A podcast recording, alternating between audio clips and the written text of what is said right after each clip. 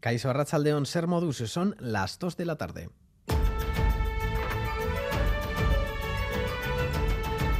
Crónica de Euskadi con Lier Puente. Rebelión interna en Rusia. El grupo de mercenarios Wagner, con su líder Prigozhin a la cabeza, se ha hecho con la ciudad de Rostov, sede del mando militar sur de Rusia, y se dirige ahora a Moscú, en lo que califican como el desafío más importante de los últimos tiempos para el Estado ruso.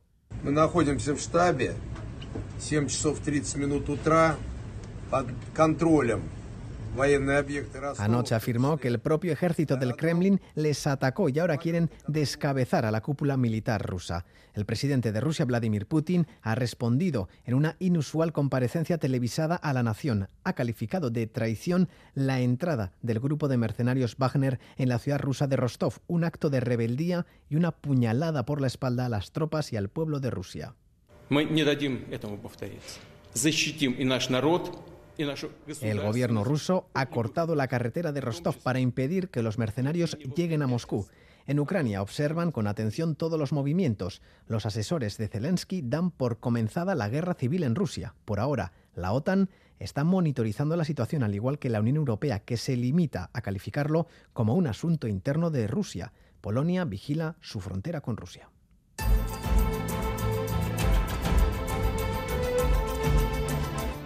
Y este sábado 24 de junio se cumple un año de la masacre de la valla de Melilla. Oficialmente murieron 23 migrantes, pero las ONGs creen que la cifra real se acerca al centenar. Supervivientes devueltos en caliente, sin opciones a solicitar asilo familiares de los fallecidos que no han identificado sus cuerpos, investigaciones archivadas.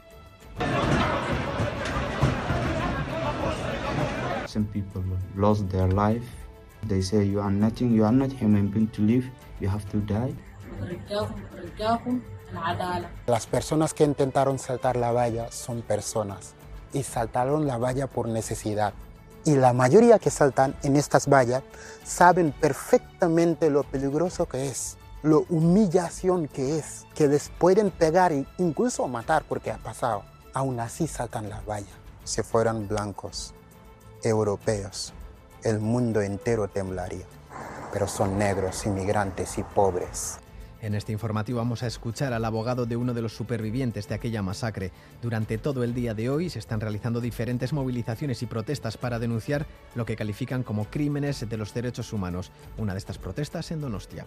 Lo que queremos denunciar es el vaciamiento del derecho de asilo que la Unión Europea y el gobierno español están haciendo del derecho de asilo. Reivindicamos que haya unas posibilidades de eh, acceder de manera segura a la Unión Europea y al Estado español para las personas migrantes, refugiadas y en busca de protección internacional, de manera que no tengan que jugarse la vida en el Mediterráneo.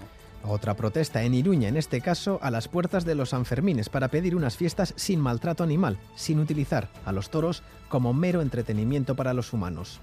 Somos gente de aquí que también disfrutamos los Sanfermines, que nos gustan los Sanfermines, pero que creemos que hay otras maneras de vivirlos y que si queremos un modelo de fiestas en el que no haya ningún tipo de opresión, pues los toros también se tiene que acabar con las, con las corridas de toros, ¿no? Repasamos también los titulares deportivos con John Hernández, Arracha León. Arracha León, los inspectores de la UEFA no permiten la inscripción del Club Atlético Sasuna en la Conference League 2023-2024. Sasuna dice que se le niega un derecho que ha sido logrado dentro del campo y arremete tanto contra la UEFA como contra la Real Federación Española de Fútbol. En remo, regata finalizada este mediodía en el Anchove, en la Liga ARC1, con victoria de Lapurdi, que ha marcado un tiempo de 20 minutos, 43 segundos y 87 centésimas, sacándole 3 segundos y medio a San Pedro, que ha sido segundo, y casi 8 a Arcote, que ha terminado en tercer lugar. En los Juegos eh, Europeos de Polonia, Íñigo Peña ha finalizado en segunda posición en la final eh, B del piragüismo del eh, K1 en 500 metros. Por otra parte, Mayalena Aspe tiene su final del salto de pértiga a las 4 menos 5 de la tarde y Teresa Randonea la final de los 100 metros vallas en atletismo a las 4 y 25. Por último, en ciclismo, recién finalizado el Campeonato de España en categoría femenina, Neris Vadillo ha logrado el oro sub-23, mientras que Idoia Eraso se ha hecho con la plata. Es que ricasco, John. El de hoy está siendo un día caluroso. En estos momentos tenemos 30 grados en Bilbao, 27 en Bayona, Iruña y Gasteiz y 24 en Donostia. Son muchos los que se han acercado a las playas. Finalmente se han reabierto las que permanecían cerradas por la bacteria fecal E. coli. Orio es la única en la que se pide baño con precaución y recomendación de ducha posterior para eliminar cualquier tipo de residuo. Previsión meteorológica de Euskalmet con Jayone Munarriz, León.